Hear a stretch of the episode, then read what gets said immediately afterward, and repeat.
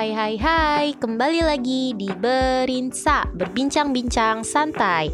Bersama gue Dara Anindya Cahyani di segmen random minggu ini. Wah gak berasa gak sih? Udah bulan September aja. Cepet banget ya, tahu-tahu udah di akhir tahun. Ya semoga aja Desember tahun ini kita bisa jadi lebih baik lagi dan tidak ente. Tapi ngomongin bulan September, narasumber kita punya cerita nih di September tahun lalu. Dan menurut dia ini adalah kejadian yang sangat berkesan. Mungkin buat seumur hidupnya. Nama gue Theo. Gue sama temen-temen gue hobi banget buat traveling. Mulai dari ke pantai, nanjak gunung di berbagai daerah sampai berbagai negara, main ke pelosok dan lain-lain. Sama kayak bulan-bulan sebelumnya, karena kita semua freelancernya tiap akhir bulan, gue sama tiga temen gue selalu nyisihin 3 sampai 4 hari buat pergi jalan bareng. September 2020 juga kita berencana main ke kampung salah satu temen gue. Gue dan teman-teman gue berangkat dari kota kita sekitar jam 5 pagian. Perjalanan mungkin memakan waktu seharian karena daerahnya lumayan terpencil dan aksesnya susah. Tapi mobil jeep masih bisa masuk. Kita sempat beberapa kali berhenti buat makan siang dan istirahat habis itu lanjut lagi. Awalnya kita lewat tol, tapi sampai di suatu daerah kita milih buat keluar dari tol karena ada kecelakaan beruntun dan macetnya udah parah banget. Daerah ini tuh masih jauh banget dari kampung temen gue. Mengandalkan Google Maps, gue dan temen-temen gue berusaha pede walaupun sebenarnya kita semua takut nyasar. Ya biasalah ya, kalian tahu sendiri Google Maps itu jagonya nyasarin orang. Padahal dari tadi gak ada yang ngomong takut nyasar atau gimana. Semua dikip dalam hati. Tapi kita jadi beneran nyasar ya emang ya nggak boleh mikir yang aneh-aneh nih karena waktu udah menunjukkan pukul 11 malam dan kita semua udah gak ada tenaga nih ya buat nyetir akhirnya kita mampir ke sebuah masjid Oh ya, kita nyasar di daerah pedesaan yang lumayan jauh dari pusat kota. Jadi listrik di sini tuh masih agak sulit walaupun tetap ada. Masjidnya kelihatan suram. Satu-satunya lampu yang nyala cuma lampu teras di masjid. Pintu masjid juga udah terkunci gitu loh. Jadi akhirnya kita sepakat buat tidur di terasnya sampai pagi nanti. Sekitar jam 3-an temen gue kebangun karena ngerasa ada yang nyenggol kakinya. Bangunnya tuh lumayan heboh jadi semuanya ikut bangun dong. Ternyata ada bapak-bapak lengkap dengan kopiah dan sarung berdiri di depan kita. Beliau tersenyum ramah ke kita tuh nanya kita dari mana? Mau ke mana kita ceritain deh kejadian kemarin. Bapaknya tuh nampak prihatin gitu loh ke kita. Akhirnya bapaknya bilang ya udah mas. Mas ke rumah saya aja. Jangan di sini uh, sebentar lagi masuk waktu subuh. Jamaah banyak juga yang mulai berdatangan.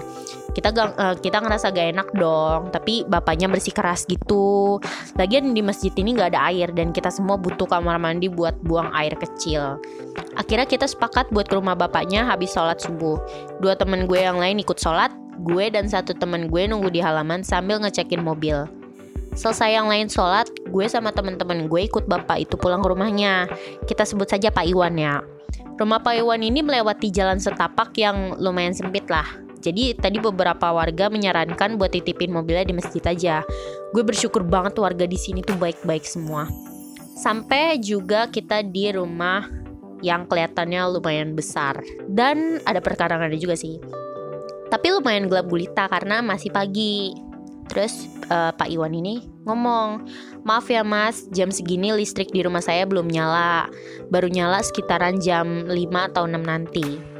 Kita semua gak masalah tentunya Dikasih tumpangan kamar mandi aja udah sangat bersyukur gitu loh Pak Iwan ngebawa kami masuk ke dalam Dan di dalam kita bertemu sama istri dan anak-anak Pak Iwan yang masih kecil-kecil Kami semua disambut ramah layaknya saudara sendiri Bu Iwan mempersilahkan kita semua buat duduk di sofa jati. Ukiran di jatinya tuh bagus banget, gak kebayang sih harganya seberapa. Kita disediain rebus-rebusan, wedang, air putih, dan juga gorengan. Ya ampun, maaf bu, kita jadi ngerepotin gini, padahal niat kami ke sini hanya untuk penumpang toilet. Gak apa-apa toh dek, kalian tuh seumuran sama anak saya yang pertama. Dia merantau ke Jakarta. Jadi kalau ngeliat kalian saya jadi keingetan anak saya. Pak Iwan dari sudut ruangan memberi sinyal buat nerima apa pun yang disediakan dengan masih tak enak hati. Ya akhirnya kita semua mencicipi semua hidangan. Jujur kami semua lapar, tapi tetap harus stay cool, jadi makan secukupnya aja. Selesai makan gue berinisiatif buat ngebantuin nyuci piring. Tapi ditolak mentah-mentah sama beliau. Akhirnya gue cuma bisa bantu bawain piring ke tempat cucian. Di situ entah kenapa gue ikut jongkok di sebelah Bu Iwan. Terus malah jadi ngobrol. Ngobrol sama Bu Iwan bener-bener bikin nyaman sendiri deh. Kayak ngobrol sama ibu sendiri. Selesai nyuci piring, kita semua memutuskan untuk pamit. Teman gue juga udah ngobrol sama orang sekitar dan nemu jalan yang benar untuk balik ke kampungnya.